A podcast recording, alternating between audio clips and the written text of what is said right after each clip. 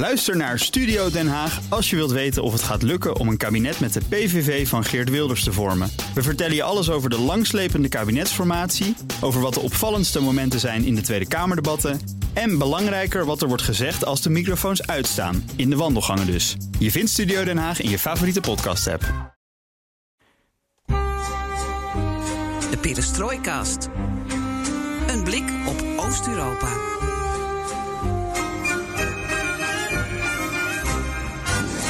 Welkom bij BNR Perestroikast en de vlaggen kunnen uit, want het is aflevering 75. Jawel, we hebben het gered. Niet dat dit een doel was, maar toch, we hebben het gered. De enige podcast van Nederland die Samen volledig gered. oog voor het oosten geeft en heeft. En inderdaad, wij hebben het 75 afleveringen lang met elkaar kunnen uithouden, Floris. Mhm. En dat eh, vieren we met Siberische permafrost. Ja, dat, als dat geen mooi cadeau is, dan weet ik het ook niet. Maar ook met boekentips. Ook een mooi en daar zitten veel luisteraars natuurlijk op te wachten. Dus dat is eh, leuk dat we dat weer eens eh, ja, erin kunnen verwerken. Ja, want ja, het bewijs maar weer is, we zijn van alle markten thuis. Al moet je toch wel na die boekentips blijven luisteren naar het gesprek met Runa Magnusson. Je wordt er niet per se vrolijk van, want het gaat heel slecht met de Russische toendra en de permafrost. Maar het is inmiddels wel een kwestie op wereldniveau geworden. want zelfs Vladimir Poetin waarschuwt voor de apocalyptische gevolgen van de smeltende permafrost. Ja, Roena vertelt ons er alles over. Elk jaar brengt zij namelijk zeven weken door in het verre noordoosten van Siberië, graven tussen de mossen en struiken. Ja, wat wij dan doen is dat wij naar onze eigen struikrover in Moskou gaan om de aflevering af te sluiten met de mop van Joost. Mhm. En je weet het inmiddels, alles ten oosten van de rivier de Elbe kan de komende weken, maanden, jaren in deze podcast worden besproken. Zelfs Siberische vegetatie dus. En wat leuk is, is dat we heel sociaal en democratisch zijn. Dat je ideeën kunt inbrengen via Twitter, perestrooikast. Of mail ons op perestrooikast.bnr.nl. En we doen daar wat mee. Ik ben Floris Akkerman Ik ben Geert-Jan Haan. en dit is BNR Perestrooikast.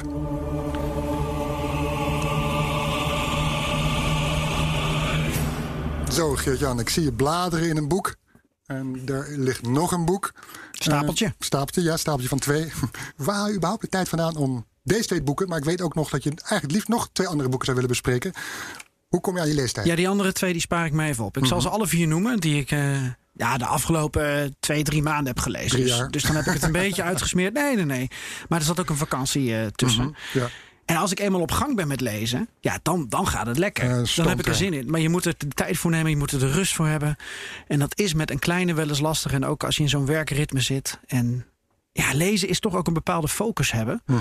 Zeker als je eh boeken uit onze regio wil lezen, moet je een bepaald gevoel bij hebben ook. En wat ik heb gelezen is eh Huip Monnekolk. Het is oorlog, maar niemand die het ziet. Heidi Blake, eh, From Russia with Blood. Karel Čapek met Hordubal, vertaling van Irma Pieper. En eh Youssef Widlin, Het Zout der Aarde. eh, de vertaling door Dirk Zelstra, volledig nieuwe vertaling. En die eerste twee die ga ik een andere keer met je bespreken. Ik ben heel benieuwd of luisteraars eh, bekend zijn met die boeken. Die gaan dus wat meer over politiek, inlichtingendiensten, geopolitiek. Ik focus me even op deze twee prachtige jaren 30 boeken. Allebei uitgegeven door de Wereldbibliotheek. eh, die best ook wel wat van elkaar weg hebben. En afgelopen jaar dus zijn verschenen in nieuwe vertalingen. ja. En het eerste boek wat ik wil bespreken, dat is deze.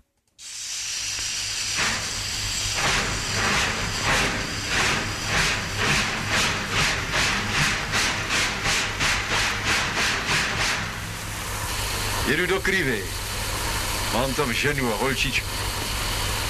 Afie se jmenuje. Afie. Byla rok stará, když jsem odjížděl do Ameriky. Osm let jsem tam, pane. Osm let. A vždycky jsem měl job na jednom místě. John Stone. Kun je iets van het Tsjechisch maken, Nee, ik vroeg me af, eh, wat, wat horen we hier? Er- Er zijn wel wat gelijkenissen met het eh, Russisch, dat jij machtig bent. Je hoort hier Hordibal, de hoofdpersoon. Echt een goed zak. En die zit in de trein, die komt terug uit Amerika. Waar die acht jaar heeft gezeten. Als eh, loonwerker, als mijnwerker volgens mij. En hij gaat weer naar Kriva, dat zegt hij. Ik ga naar Kriva. Eh, ik ga naar, eh, naar mijn vrouw, Polana. Ik ga naar mijn dochtertje, Hafja. Die was drie toen ze wegging. Eh, ik kom uit Johnstown. Daar zat ik acht jaar lang in Amerika. En zo gaat hij door. En dit gesprek in de trein voert hij met zichzelf. Hij voert het pas als de passagiers weg zijn. En het is dus een, een, een goedzak die heel erg in zichzelf is gekeerd. Niet echt een mondig persoon.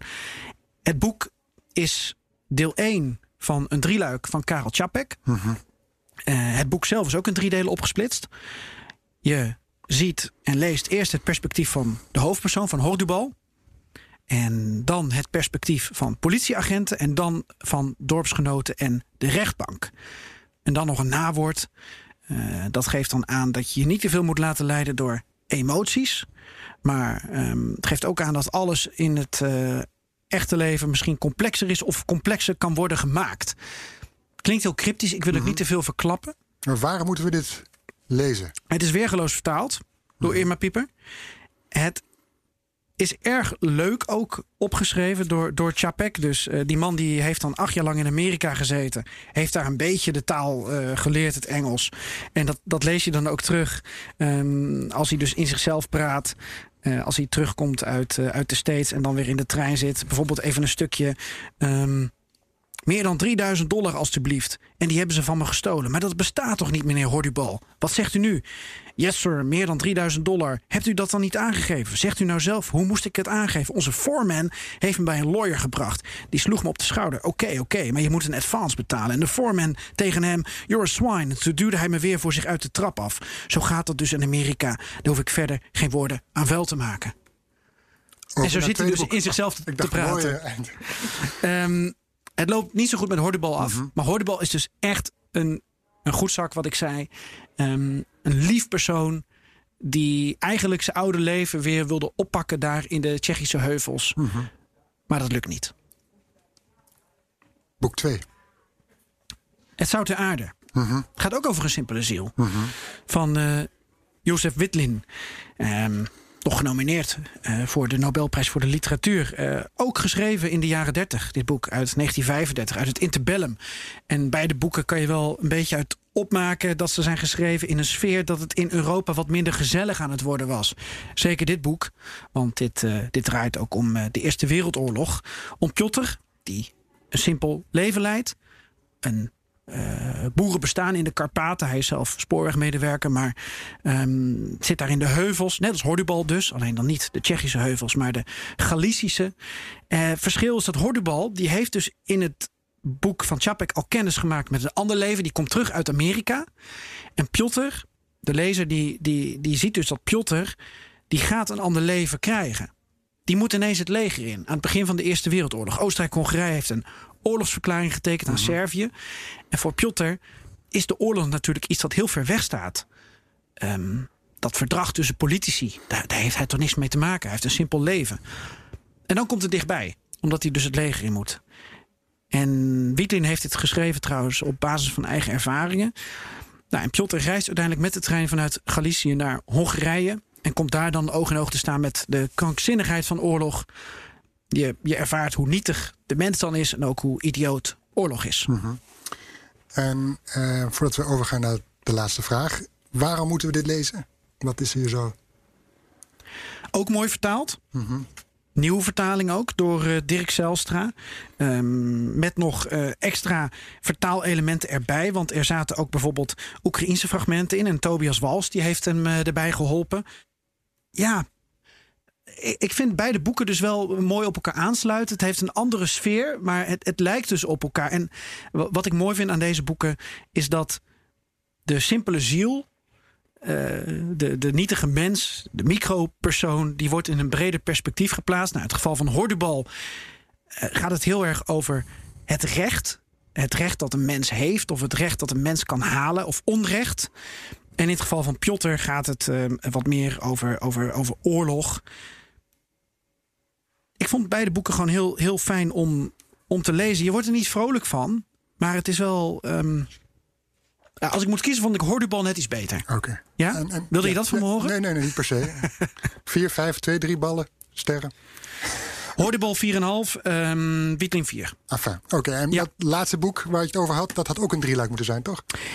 Ja, eh, het tweede en derde deel ging verloren toen eh, de cover van Witlin in 1940 in zee werd gegooid. En hij heeft nooit meer de eh, romans kunnen herschrijven. Dus het verdere lot van Piotr, dat zal voor altijd onbekend blijven. Zonder dat ik daar wat meer mee verklap. Het lot van Hordubal, dat lees je dus wel. Maar dat krijgt dus nog een enorm staartje. En bij Piotr weet je dus niks over zijn lot en ook niks over het staartje. Oké. En jij? Ja, ik. Eh, ik wil graag eh, Zwart Vierkant van Malevich Ja, ik zie eh, het plaatje. koppelen aan het Iconenmuseum in Kampen. Doe dat eens. Daar zijn we geweest in aflevering 39, eh, praten we daarover. Aflevering 39 tussen de iconen in Kampen. Ik ben eind oktober opnieuw naar deze tentoonstelling gegaan waar wij toen waren. De tentoonstelling Grenzeloos, waardoor je, waar je allemaal iconen zag. Niet alleen uit Rusland, maar uit de Balkan. uit, Ottomaanse eh, Rijk, precies. ja. eh, eh, Afrika, Ethiopië, Egypte. Dus je krijgt een heel... want we kennen allemaal die Oost-Europese iconen. Maar nu zie je ook hoe iconen ook worden geïnterpreteerd en beschilderd. En, en hoe ze eruit zien. Dus ja, ik vond ook voor de tweede keer prachtig. Vond de vrouw het ook leuk? Ja, die vond het zeker. Die heeft pracht, alleen, maar foto's gemaakt eigenlijk. En heeft ze nu ook als screenshot op haar fotostel. Of eh, telefoon. Oké, Ja, in ik- plaats van jou. Ik, ben verwijderd. Oké. Precies. Wel, be- be- ik hoor eh, graag welk icoon er voor in de plaats is gekomen. Maria. Eh, maar goed, toen op weg naar Kampen las ik in de trein het boek... Zeeschij, de avant-gardisten. Hardcopy, ik zie het al. Precies, ja. En ook over, dat, over Malevich. En over het zwarte vierkant. Het zwarte vierkant dat in Rusland in 1915 zoveel eh, ja, voor opschudding zorgde. Want dat zwarte vierkant, dat zie je hier ook hier. Ik laat het zien. Ja. ehm, hangt in een hoek. En het was niet zozeer het zwarte vierkant zelf dat voor opschudding zorgde, maar dat het in het hoek hangt. Want in een hoek, en dat zie je ook in het Iconenmuseum in Kampen, daar hebben ze een oud, als je het nog kunt herinneren, een, een huis nagebouwd. Eh, en een, een, een traditioneel Russisch Oost-Europees huis, Ja. huis met hout en met een samovar op tafel en koekjes en een tafel. En ook een hoek. En in die hoek zie je iconen en andere religieuze voorwerpen. Want dat was het, ja, het, het, het heilige plek, het goddelijke. eh, daar, daar, daar, eh, daar ging het om. Ehm, een soort van eh, ja, privé-devotie had je daar. En, maar Malevich heeft dus daar een zwart vierkant in die hoek gehangen op, op de, tijdens die tentoonstelling. Dus daarmee reekt hij af eigenlijk met, het, met het goddelijke, met het religieuze. En ik vond het wel heel toepasselijk dat ik op weg was naar Kampen en toen hierover las en even later dus zo'n hoek voor me had. Maar dat was de tentoonstelling Grenzeloos. Is die nu Ja. niet klaar? Ja, dat was inderdaad de laatste dag. Dus daar kun je helaas niet meer naartoe. Ehm, wat je nog wel kan doen is de podcast terugluisteren. Dan krijg je een tipje van de sluier van toen mee. Er is inmiddels een, eh, een nieuwe tentoonstelling. Hebben ze eh, uit de grond gestampt, om het zo maar even te zeggen. Die draait tot en met 27 maart 2021. En Corona voor lente. ja, precies. En nou, het was allemaal netjes hoor, qua corona. Het was ook heel rustig. Maar goed, je mondkapje op. eh, mochten maar eh, x aantal personen in de zaal en et cetera, vaste route.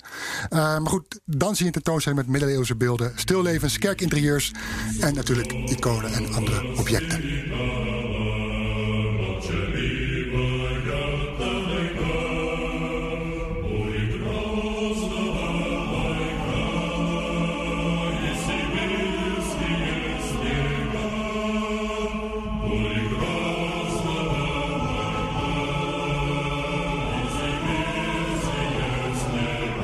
We gaan naar Wageningen. En van Wageningen naar Tjokodag, Jakutië. Noordoost-Siberië. Google Maps weet niet hoe ver het precies is, want de bestemming is blijkbaar buiten uw huidige dekkingsgebied voor autorijden. Maar geloof mij maar als ik zeg dat het heel ver weg is.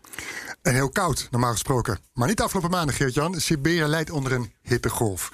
En dat neemt grote, hele grote risico's met zich mee, zo zeggen klimaatonderzoekers. Maar ook Vladimir Poetin doet inmiddels uitspraken van het niveau van Sir David Attenborough. Zo zei de Russische leider eh, eind oktober dat de mens en de natuur elkaar weer moeten vinden.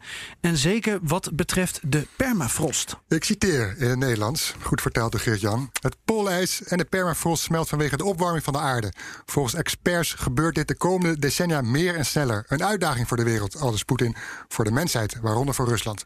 Waar 65% van de oppervlakte is bedekt met permafrost. Er kan onherstelbare schade ontstaan voor de biodiversiteit, voor de economie, infrastructuur, oliepijplijnen, woningen. Dit is een directe bedreiging voor de mens. Nog steeds Poetin die aan het woord is. En zelfs, zo vervolgt hij, als alleen maar de bovenlaag van de permafrost smelt, zo'n 3 à 4 meter, dan voelen we rond 2100 een enorm effect, een sneeuwbaleffect. Ja, en de Russische president was nog niet klaar met zijn verhaal. Ik citeer opnieuw. Willen we dat de aarde een nieuwe Venus wordt? Heet en droog, onbewoonbaar? Ik herinner u eraan dat de aarde een gemiddelde temperatuur van 14 graden heeft... en Venus 462 graden Celsius. Einde citaat. dat we het even weten. Mhm. Naar Wageningen dan nu, naar Runa Magnusson. Runa, fijn dat je bij ons bent, digitaal. Hey, ja, leuk. Je bent promovende aan de WUR, eh polonderzoeken over permafrost... en je doet veldonderzoek op de Siberische toendra. Waar zoek jij precies naar op die Siberische toendra? We zijn vooral heel geïnteresseerd in hoe de degradatie van permafrost samenhangt met de ontwikkeling van vegetatie in een veranderend klimaat. Is dat, is dat ook je onderzoeksvraag, maar zonder vraagteken? Ja, min of meer. Eh, waar we vooral heel in, ge- in geïnteresseerd zijn, is of we een toename of afname zien van struikvegetatie. Omdat dat een bepaalde vegetatiegroep is die heel sterk aan het uitbreiden nu is in arctische gebieden. Dus jij zit met je handen in het mos en dat analyseer. En dan kan jij dus zeggen: eh, het gaat niet goed met de toendra en de permafrost. En dus niet met de aarde. Als ik hele grote stappen even maak. Ja, daar komt het wel op neer. Wij zetten dan vooral permanente meetlocaties uit waarin we elke zomer bijhouden hoe het gesteld is met de vegetatiesamenstelling en de dooidiepte van de permafrost. En daarnaast doen we gerichte experimenten waarin we bijvoorbeeld in bepaalde plotjes een verandering toepassen.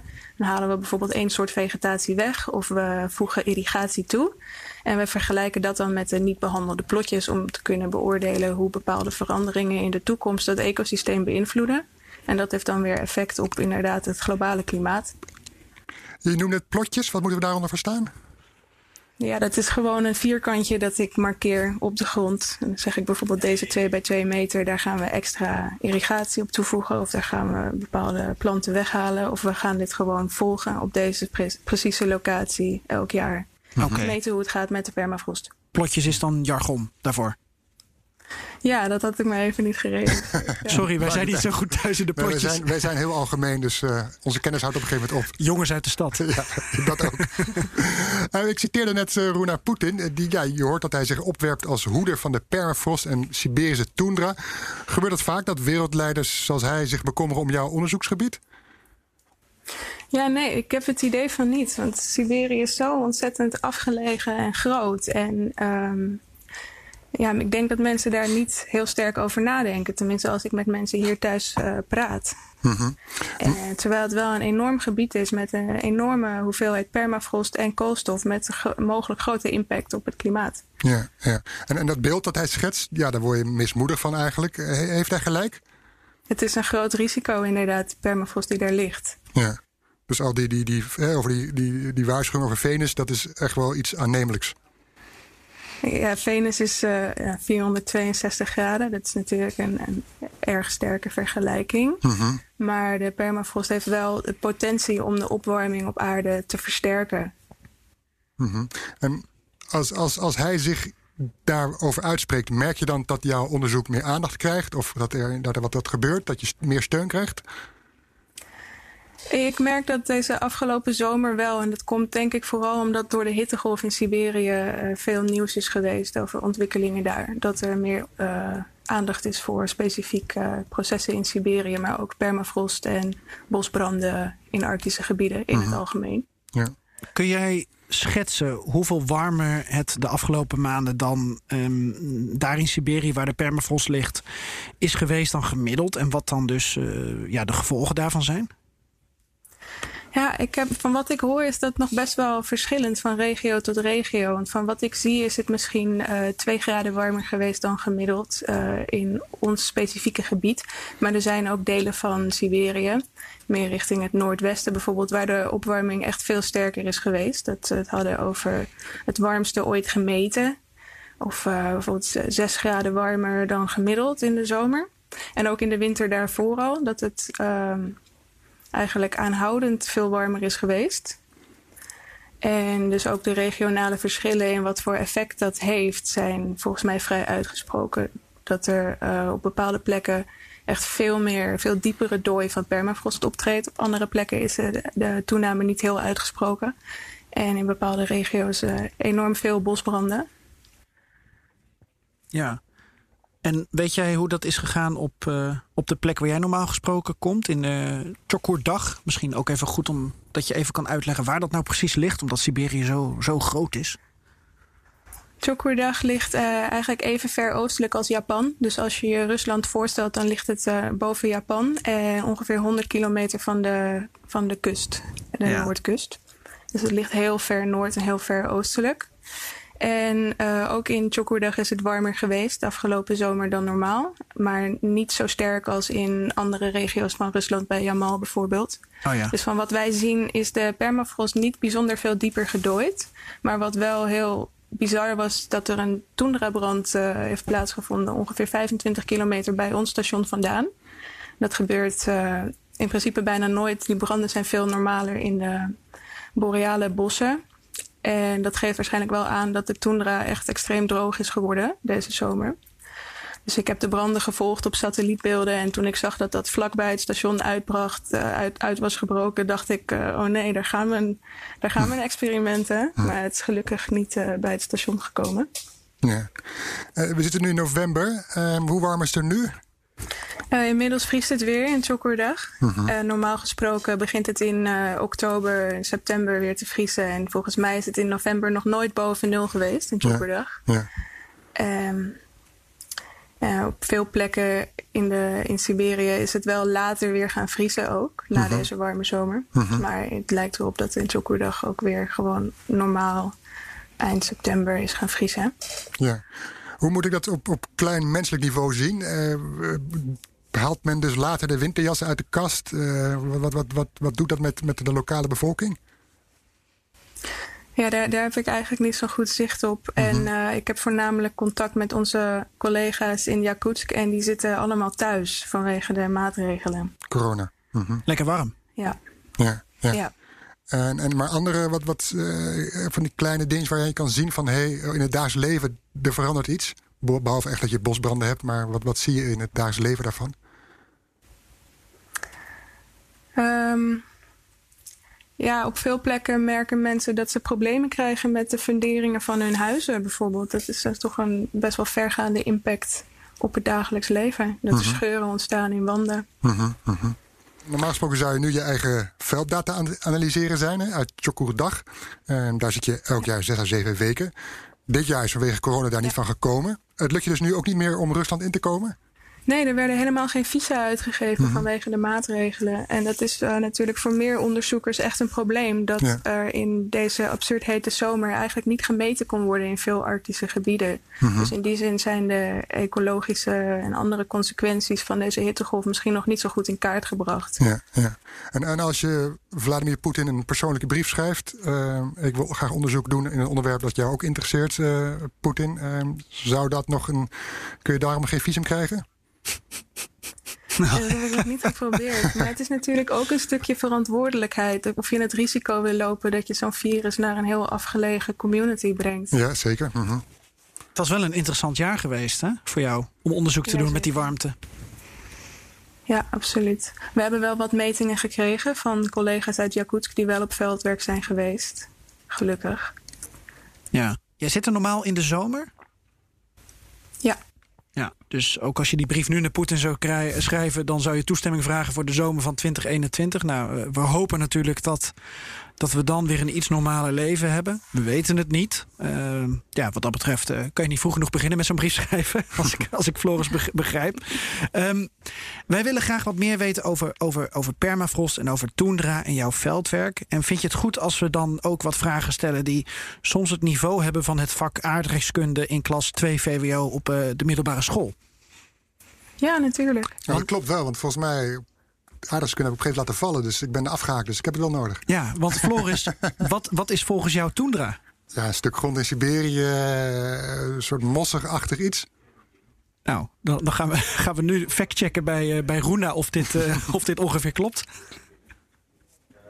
Ja, toendra is gewoon een type ecosysteem met um, weinig plantengroei. Dus bijvoorbeeld geen bomen en inderdaad uh, mossen, grassen, kleine struikjes, korstmos, uh, grenzend aan de polaire gebieden waar bijna geen vegetatie meer groeit. Uh -huh. Nou, Floris speelde op safe met zijn antwoord. Ja. Dat was wat minder uitgebreid, maar ik denk dat hij, uh, dat hij net een voldoende had gehaald. Ja, zesje. En, uh, en uh, je analyseert dus die toendra om te ontdekken hoe verandering van vegetatie, vegetatie kan worden gekoppeld aan het huidige klimaat en klimaatverandering.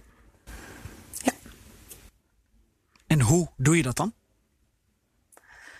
Ja, dat is natuurlijk moeilijk om bij te houden voor een uh, promovendus die maar een paar jaar heeft voor onderzoek. Dus ik bouw ook gewoon verder op uh, eerder werk van mensen voor mij. Dus waar ik het al over had, de plotjes die zijn uitgezet, kleine gebiedjes die zijn afgebakend, waarin we om de zoveel jaar de vegetatiesamenstelling meten.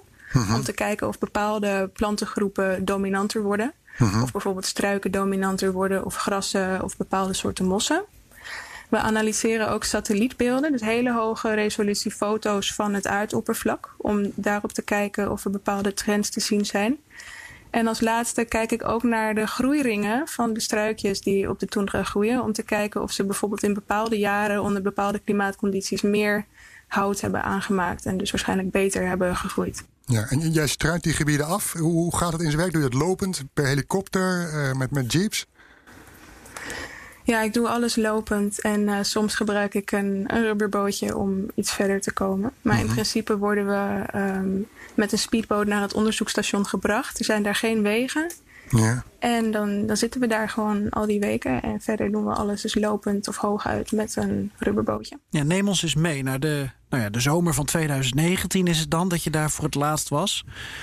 Hoe ziet een week voor jou er dan daar uit? Of een dag? Misschien daarmee beginnen. Uh, je slaapt in een, in een blokhutje, in een tent. Dan krijg je hele, hele smerige oploskoffie voor je kiezen. Hoe, hoe werkt het? Ik, ik wil gewoon even weten, het, het leven van, van Roena 40 dagen in de Siberische toendra in de zomer.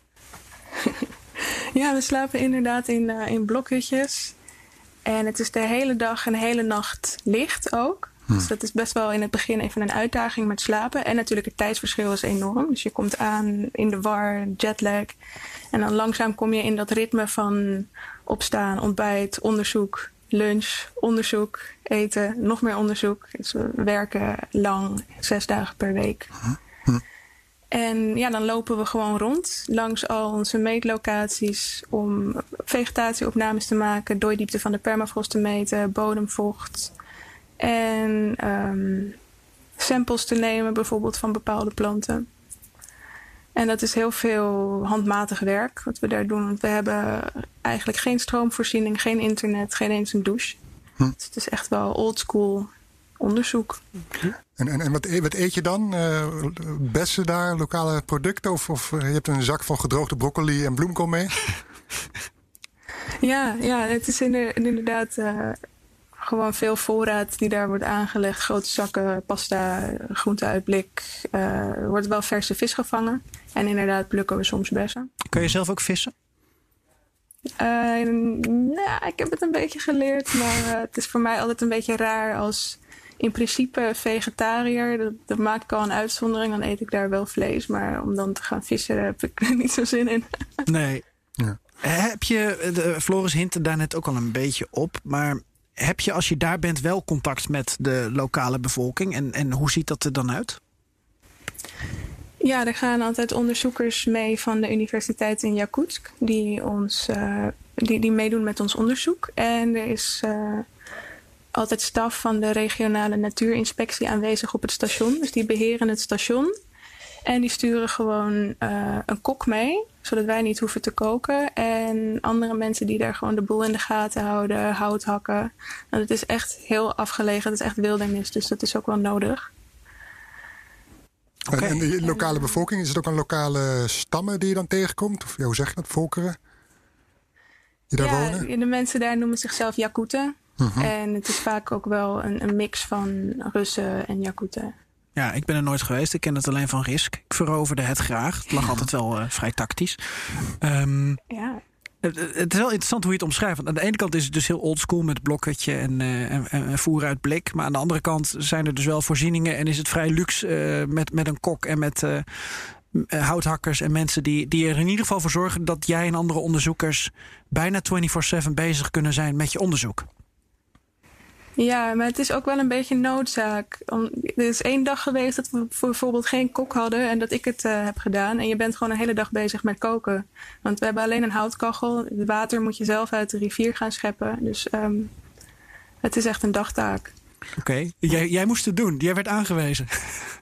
Nee, ik heb, ik heb uh, mezelf opgegeven. Ah, oké. Okay. Sociaal. En, en, wat, wat doe je die zevende dag? Er is dus niks, geen elektriciteit, geen... Uh, wat, wat, die zevende ja, vrijdag? nee, meestal gaan we wandelen. En kijken we of we elke keer toch weer net iets verder van het station kunnen komen. Mhm. Nieuwe dingen kunnen ontdekken. Toch stiekem aan het werk.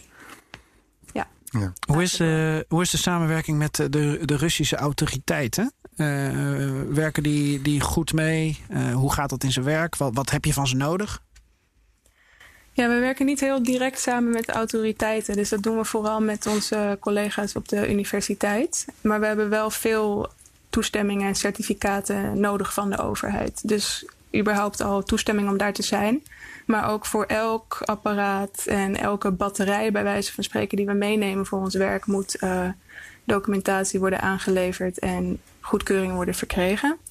En ook achteraf, als wij onze samples en data weer mee terug willen nemen, dan moeten we daar uh, exportvergunning voor aanvragen. Hm. En daar is die samenwerking met de Universiteit in Jakutsk echt heel belangrijk. Uh, zij helpen ons daar echt enorm bij. Hm. Gavrish? Uh, niet. oh, maar je snapte hem wel. zeggen. nou, mijn, uh, mijn IJslands is uh, absoluut bagger. Um, okay. Dus, want jij, jij bent half IJslands, hè, om dat even duidelijk te maken. Maar wat was het? IJslandse vader, Nederlandse moeder? Ja, klopt. Beetje flauwe vraag, maar is dat, heeft dat ermee te maken dat je ook zo van de kou houdt en van, van, van desolate gebieden? Of heeft dat absoluut geen link? Ja, ik denk het wel. Omdat ik natuurlijk als kind vaak in IJsland ben geweest. En daar wel echt um, onder de indruk was van de uitgestorven koude landschappen. Dus ik denk dat dat er in die zin wel een beetje in zat. Oké. Okay. Floris, uh, zullen we naar de volgende aardrijkskundevraag? Ja, ik wilde net zeggen, um, ik heb nog wel behoefte aan wat meer kennis. Uh, nou, je zat net al aardig goed in de buurt, toch? Ja, Met je gok? Nee, uh, ja, dan wil ik eigenlijk de volgende van je weten, Roena. Wat is permafrost? Permafrost is uh, grond die voor minstens twee jaar aaneengesloten bevroren is. En waarvan eigenlijk alleen het allerbovenste grondlaagje periodiek ontdooit in de zomer. Uh -huh.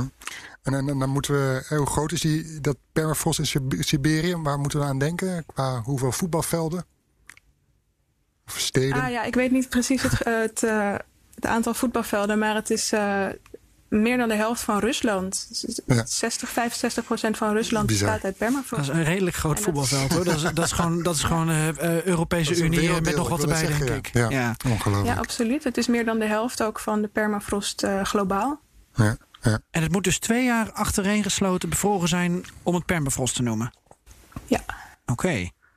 Maar ja, um, dan, dan komen we nu in de situatie door de klimaatverandering... dat, dat de permafrost dus minder een minder dikke laag is, omdat het smelt? Of dat is het probleem dat het dus niet meer twee jaar lang achter elkaar uh, bevroren is? Waar, waar, waar, waar treedt de schade nu in op?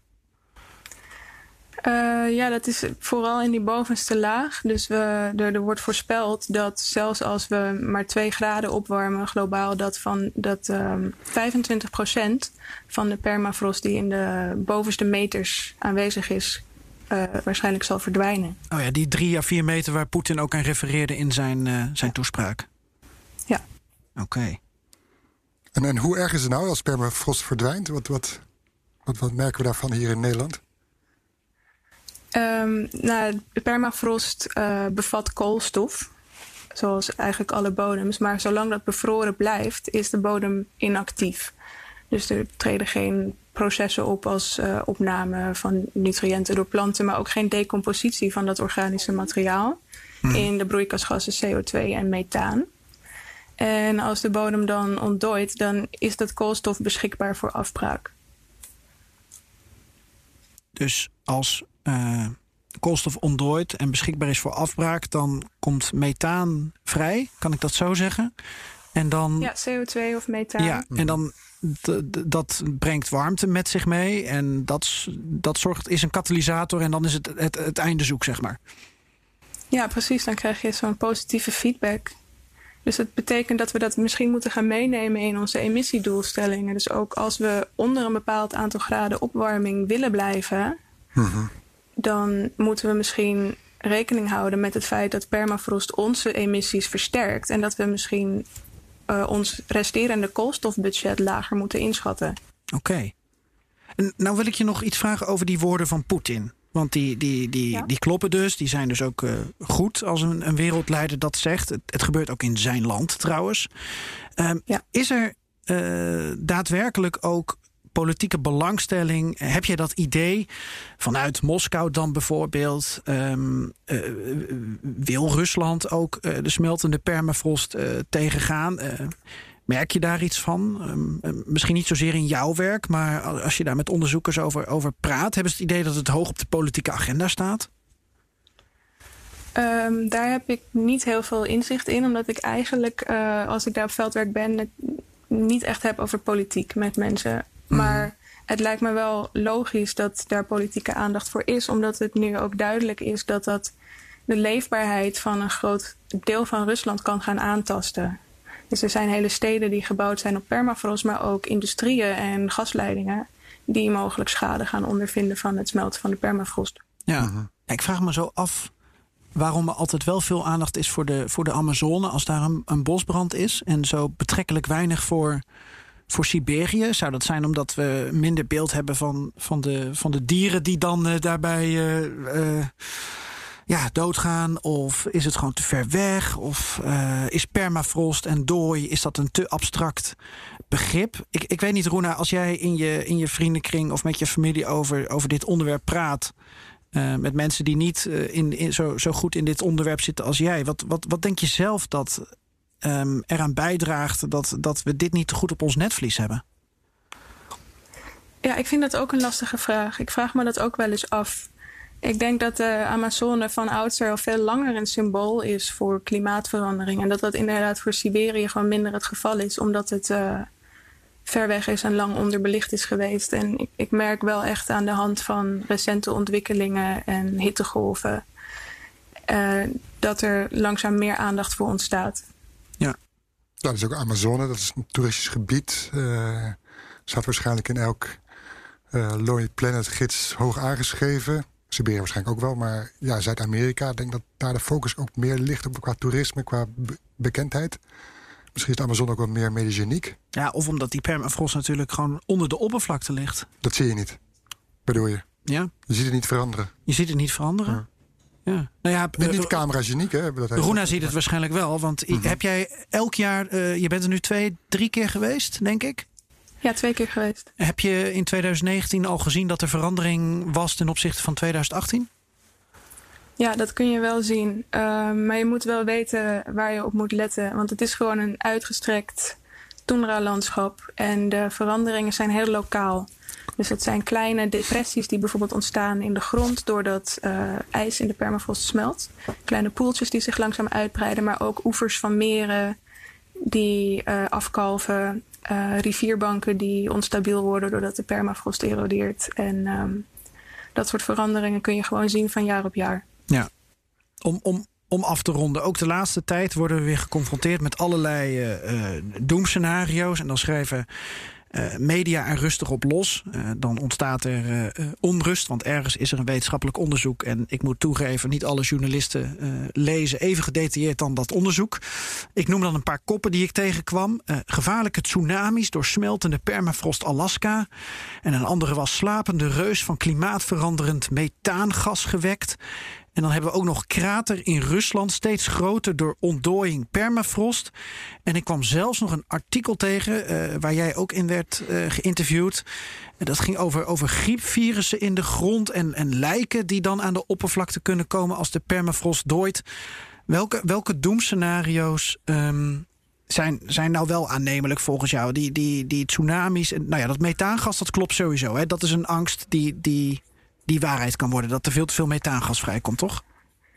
Absoluut. En er is ook gewoon toenemend bewijs dat dat aan het gebeuren is. eh, op verschillende locaties in Arctische gebieden. En dan over tsunamis en griepvirussen. Ja, die tsunami, dat had ik zelf nog niet gehoord. En zo'n griepvirus is inderdaad een, een sensationeel verhaal dat mensen misschien meer prikkelt, maar misschien dus ook niet onmogelijk. Je, je hebt al die data, al die analyses. ehm, en je ziet het voor je ogen gebeuren, bij spreken, of je ziet het gebeuren. Valt er nog iets, is er nog een oplossing? Valt er nog iets te doen, te redden of tegen voor die smeltende permafrost? Ja, absoluut. Ehm, een deel van de permafrost zal zeer waarschijnlijk verdwijnen. Ook al beperken we opwarming op aarde tot anderhalf of twee graden. Maar het kan nog zoveel erger worden als we ons daar niet aan houden. Dus wetenschappers schatten dat we driekwart van de uh, broeikasgasemissies uit permafrost onder het worst case scenario, bij wijze van spreken, zouden kunnen voorkomen als we direct inzetten op niet meer dan anderhalf, twee graden opwarming op aarde. Dus dat blijft gewoon heel belangrijk. En, en wat Poetin dan schetste, namelijk uh, uh, infrastructuur en pijpleidingen. Nou, jij had het al over funderingen van huizen. Uh, dat, dat merk je dan allereerst op lokaal niveau, maar dat kan dan ook zich uitbreiden naar verder in Rusland, verder in Europa, et cetera? Moet ik dat zo voor me zien, dat proces? Verder in Europa weet ik niet. Maar er was natuurlijk eerder deze zomer een issue met een, een brandstoftank in Norilsk. Die uh, is gaan lekken. Uh, waar degradatie van permafrost niet werd uitgesloten. Of zelfs uh, waarschijnlijk werd geacht als een van de redenen, los van achterstallig onderhoud, dat die brandstoftank is gaan lekken. En dat heeft echt hele grote gevolgen gehad brandstof die gelekt is in een kwetsbaar toendragebied daaromheen. En dat zijn gewoon directe risico's van het bouwen van dat soort tanks en industrie op degraderende permafrost. Ja. Uh-huh. Jouw onderzoek, jouw onderzoeksterrein, is, is dit denk je een van de grootste uitdagingen van onze tijd om daar zoveel mogelijk over te weten te komen en daar dan maatregelen tegen te nemen. We weten het natuurlijk dat we moeten doen, maar om een of andere reden hebben we toch jou nodig. Met nog meer bewijs en, en nog meer nadruk die erop gelegd wordt. Hoe, hoe kijk je daar zelfs naar? Ja, ik vraag me dat ook wel eens af. Is er niet gewoon um, genoeg bekend om nu te zeggen we moeten keihard gaan inzetten op het beperken van opwarming? Um, het kan natuurlijk wel relevant zijn om te weten in welke arctische gebieden we precies hoeveel degradatie moeten verwachten. Het kan voor lokale policymakers en bevolking wel relevant zijn. Maar ik denk inderdaad dat uh, de negatieve gevolgen van opwarming gewoon duidelijk zijn. En dat we ons ook moeten afvragen. Um, willen we er nog achter komen hoeveel erger het kan worden? Of moeten we gewoon zeggen we gaan het voorkomen en dan hoeven we daar niet achter te komen? Ja. Wanneer uh, hoop je te promoveren? Uh, dat is uh, helaas ook een beetje afhankelijk van het verloop van de pandemie. Maar ik hoop eind 2021, begin 2022 te promoveren. En wil je dan wel op dit terrein actief blijven? Ja, ik ben wel enorm geïnspireerd door arctische landschappen. En ik zou daar heel graag verder mee werken. Ja. Is Siberië het leukste? Of denk je ook wel eens aan een, een overstapje naar uh, Alaska, Canada, uh, misschien... Uh, of juist het weer wat warmer. Scandinavische Pool. Oh ja, even naar onderzoeker. Maar zo anders, denk ik. Ja. Weet ik niet. Het is natuurlijk makkelijker misschien om in Europese gebieden of in Alaska onderzoek te doen. Gewoon puur met transport en het aantal vergunningen dat je nodig hebt als buitenlander in Rusland. Maar het heeft ook wel een soort pioniersgevoel om daar in dat hele afgelegen gebied in Siberië te werken. Ja. Mooi. Dankjewel. Rona Magnusson, uh, promovende aan de WUR, Wageningen Universiteit. WUR is geloof ik de, de internationale naam. University. Uh, ja, sorry. Polonderzoeker over permafrost en uh, ja, veldonderzoeker op de Siberische tundra Corona Volente. Dankjewel voor je tijd en voor je, voor je mooie verhaal en je anekdotes over je blikvoer in je blokhut. Zeker. Dankjewel, Roena. Ja, dank jullie wel voor het gesprek. Succes. Waar gaat je hem op over? Ja, over een, uh, een pet. Joost Bosman. Een pet? Een pet. Oké. nou, uh, Floris, leidt er maar heel creatief in. Joost, de winter komt eraan, hè? dus dat betekent ook weer dat je iets uh, op je hoofd moet hebben, of niet?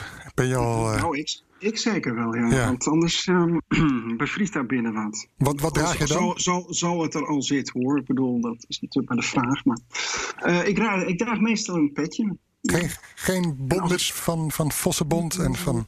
Nee, die vind ik meestal te warm. Dat, -huh. dat is me te benauwd. Uh, of het is een gewone muts of een pet. Oké. Okay. Een toepet? Een toepet, af en toe, zeker. Af en toe pet. Als je uitgaat? Een af en toe pet. Als ik uitga, ja. maar dat kan meer uh, in, in Moskou, want de cafés en restaurants gaan dicht van 11 uur s avonds tot 6 uur s ochtends wegens corona. Okay. Nou, dat zijn nog eens maatregelen, nietwaar? Wat moet ik nu s'nachts doen? Huisfeesten hè? bij Joost. Met z'n allen naar Joost. Voor een gratis mop. Kom maar door. Goed, uh, Russen, zoals je weet, vertellen graag moppen over, over uh, minderheden. Hè? Uh, uit de voormalige Sovjet-Unie, Georgiërs, Armeniërs, Moldavisch, maakt niet uit. laten we zeggen dat deze over een Armenier, nee, een Georgiër gaat. Het zal een Georgiër zijn. Um, en die worden dan toch altijd afgebeeld als een beetje naïvig, een beetje dommig. Hè? Afijn, een Rus komt thuis van zijn werk en vindt zijn vrouw naakt in bed en naast het bed staat een Georgiër, vrij gezet, harig. Uh, poedelnaakt eveneens, met, met slechts een pet op zijn hoofd. Waarop die Rus uiteraard in woede ontsteekt en zegt: Wat is dit? Wat ben jij aan het doen? zegt hij tegen zijn vrouw. En wie ben jij eigenlijk? Wat doe je hier? Waarop die uh, Georgiër een beetje verbouwereerd naar die Rus kijkt en zegt: Ik moet de domste man van het land zijn, zegt ik heb gisteren deze pet gekocht voor duizenden roebels. Een pet die me onzichtbaar maakt. Oh, wacht, ja, ik snap hem. Ja, hij is niet onzichtbaar. Want, Mm. want die man ziet dat hij naakt is en harig is. Ja, Ja, ja, ja, ja. ja. Leuke, leuke, leuke, Oh, leuke. dit is weer een beetje de mantel van Gogol. eh. Ja. ja, ik voel hem. Ja. Ik vond hem, eh, ja, met dankzij Geert-Jan snap ik hem. En dat maakt hem toch weer... Moeten we nog even lachen voor de vorm?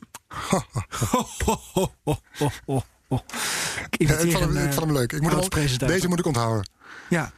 Voor de, Ja, Voor de illegale het- huisvesting. Het hangt wel af van de goede opbouw. Hè? Ja. Dat, dat is me wel weer duidelijk geworden. Dus ehm dankjewel Joost. dankjewel Joost. Graag gedaan. Succes met je pet. Ajeto. Paka. Jij bent ook onzichtbaar, of niet? Dat weet ik niet. borsthaar. Jullie zien het toch? Jullie zien het toch niet? Ik heb de camera je het niet? Nee, we kunnen je niet zien. Nee. Ja,